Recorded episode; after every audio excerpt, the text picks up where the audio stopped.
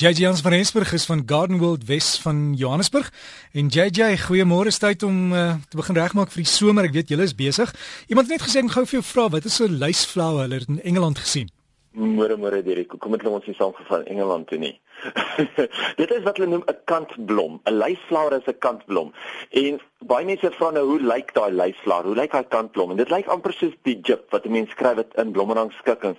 Sulke fyn wit um blommetjies bo op 'n lang steel. Jy weet, uh, wat dit eintlik so 'n plat kroon van blomme maak. Mens kry gewoonlik in die wit, jy kry hom ook in so sagte pink, maar deesdae kry mense hom net in die saadvorm. So as jy wil luister, as jy kantblomme in jou tuin wil plant, moet jy na Quickry toe gaan en hulle vra, hoorie, kan jy asseblief vir my die kantblom bestel? Hulle bestel vir jou die saad en hy groei geweldig maklik. So dit is een van daai alhoewel hy baie goed in Engeland ook groei, groei net so maklik in Suid-Afrika. Ons kan hom hier by ons groei. Ja, dit is mense gebruik dit baie maklike hangmandjies tussen ander plante, né? Ja, jy kan hom in, in hangmandjies en swaan gebruik. Partykeer moet mense net asof plat 'n bietjie lank word. So jy moet hom nie in 'n klein hangmandjie sit nie. Jy sit hom in 'n groter hangmandjie omdat hy redelik hoog kan word. Maar dis een van daai tipe plante wat 'n mens in hierdie gemengde bedding sou sit. Um amper as as mense Engelse tuin sou doen of as jy gemengde veldtuin sou doen, dan kan 'n mens dit gebruik want hy werk baie goed daarmee saam. Jy sê die ander dinge wat ons nou moet doen in die tuin?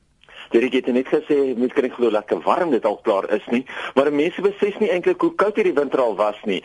Dit is ongelooflik hoe vinnig hy gekom het en hoe vinnig hy koud geword het.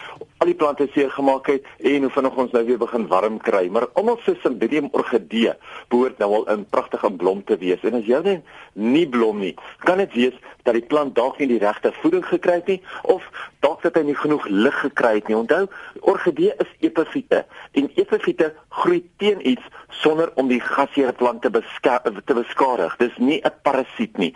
In meeste gevalle kry ons mos altyd dat die orgidee in klippies, in rotswol of in boombas groei. Maar dit is hoekom hy 'n epifiet is. En dit is ook hoekom mense die orgidee baie gereeld moet nat maak of dit in 'n area sit waar dit baie vogtig is. Nou jou orgidee was altyd hierdie ligwortels wat so uit die potte uitklim en bo oor die potte klim en dan dink almal altyd hulle potte is nou te klein vir die orgidee, hulle moet die orgidee nou oorplant en dit is glad nie so nie. Daai ligwortels moet uit die plante uitklim. Hy klim so oor die potte en is heeltemal normaal. So 'n mens moet bietjie kyk na jou orgidee hierdie tyd van die jaar as hulle blom, moet 'n mens hulle natuurlik inbring binne toe. Jy wil hulle nie meer buite los nie, want ja, jou cymbidiums kan buite bly, maar as hulle blom, bring hulle in binnekant toe. Hou hulle bietjie meer 'n bietjie warmer, uh kyk bietjie beter na hulle en hulle gaan vir jou natuurlik baie langer dan blom. Baie mense gaan ook en laat die kinders met die blommetjies self speel. Jy weet want jy kan mos die blommetjies oopmaak en in snaakse maniere druk en mens moet dit nie doen nie want dan hou die blomme nie baie nie. Laaste enetjie vir die orgidee is natuurlik om jou orgidee orgidee kos te gee. Want jy kry spesifieke orgidee kos wat 'n mens kan gebruik om jou plante mee te voer en natuurlik gaan hulle dan vir jou baie meer blom. Die tweede ding dingetjie is vir die ouens wat nog nie hulle bonsai plantjies oorgeplant het nie, hulle bonsai boontjies. En onthou dit is nie altyd nodig om jou bonsai boontjie oor te plant nie. Mense doen dit net so elke 3 of 4 jaar.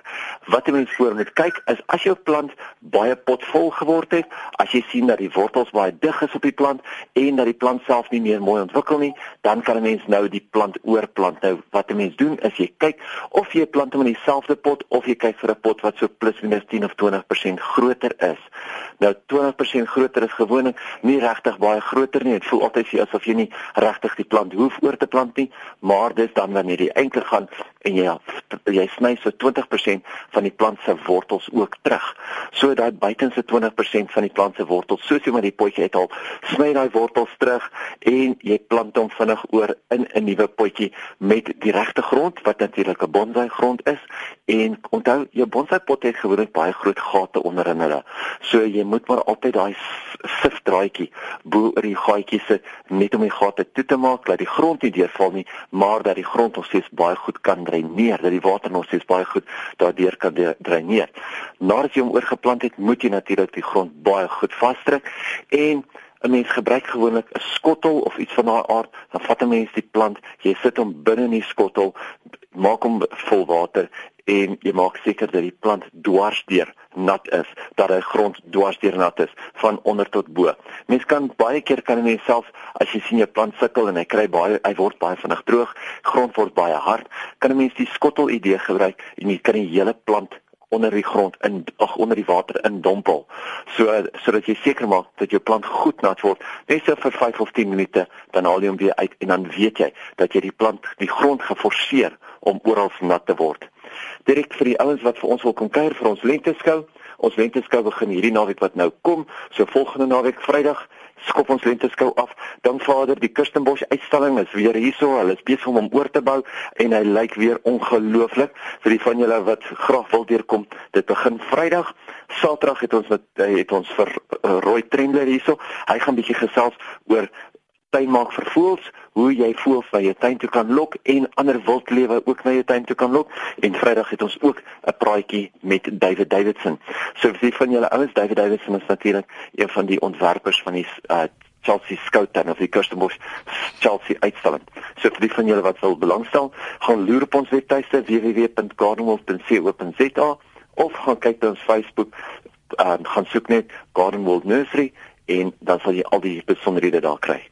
So gesels ons met JJ Jansen van Rensburg en as jy JJ wil e-pos is JJ by gardenworld.co.za anders op Facebook soek maar net vir Garden World Nursery en as jy daar by die lenteskou gewees ek weet ons gaan ook bietjie later hier in Augustus gaan ons daar uitsaai een Saterdagoggend en hopelik sal ons vir jou in die week al daai inligting gee. Dit sal lekker wees om jou daar te sien.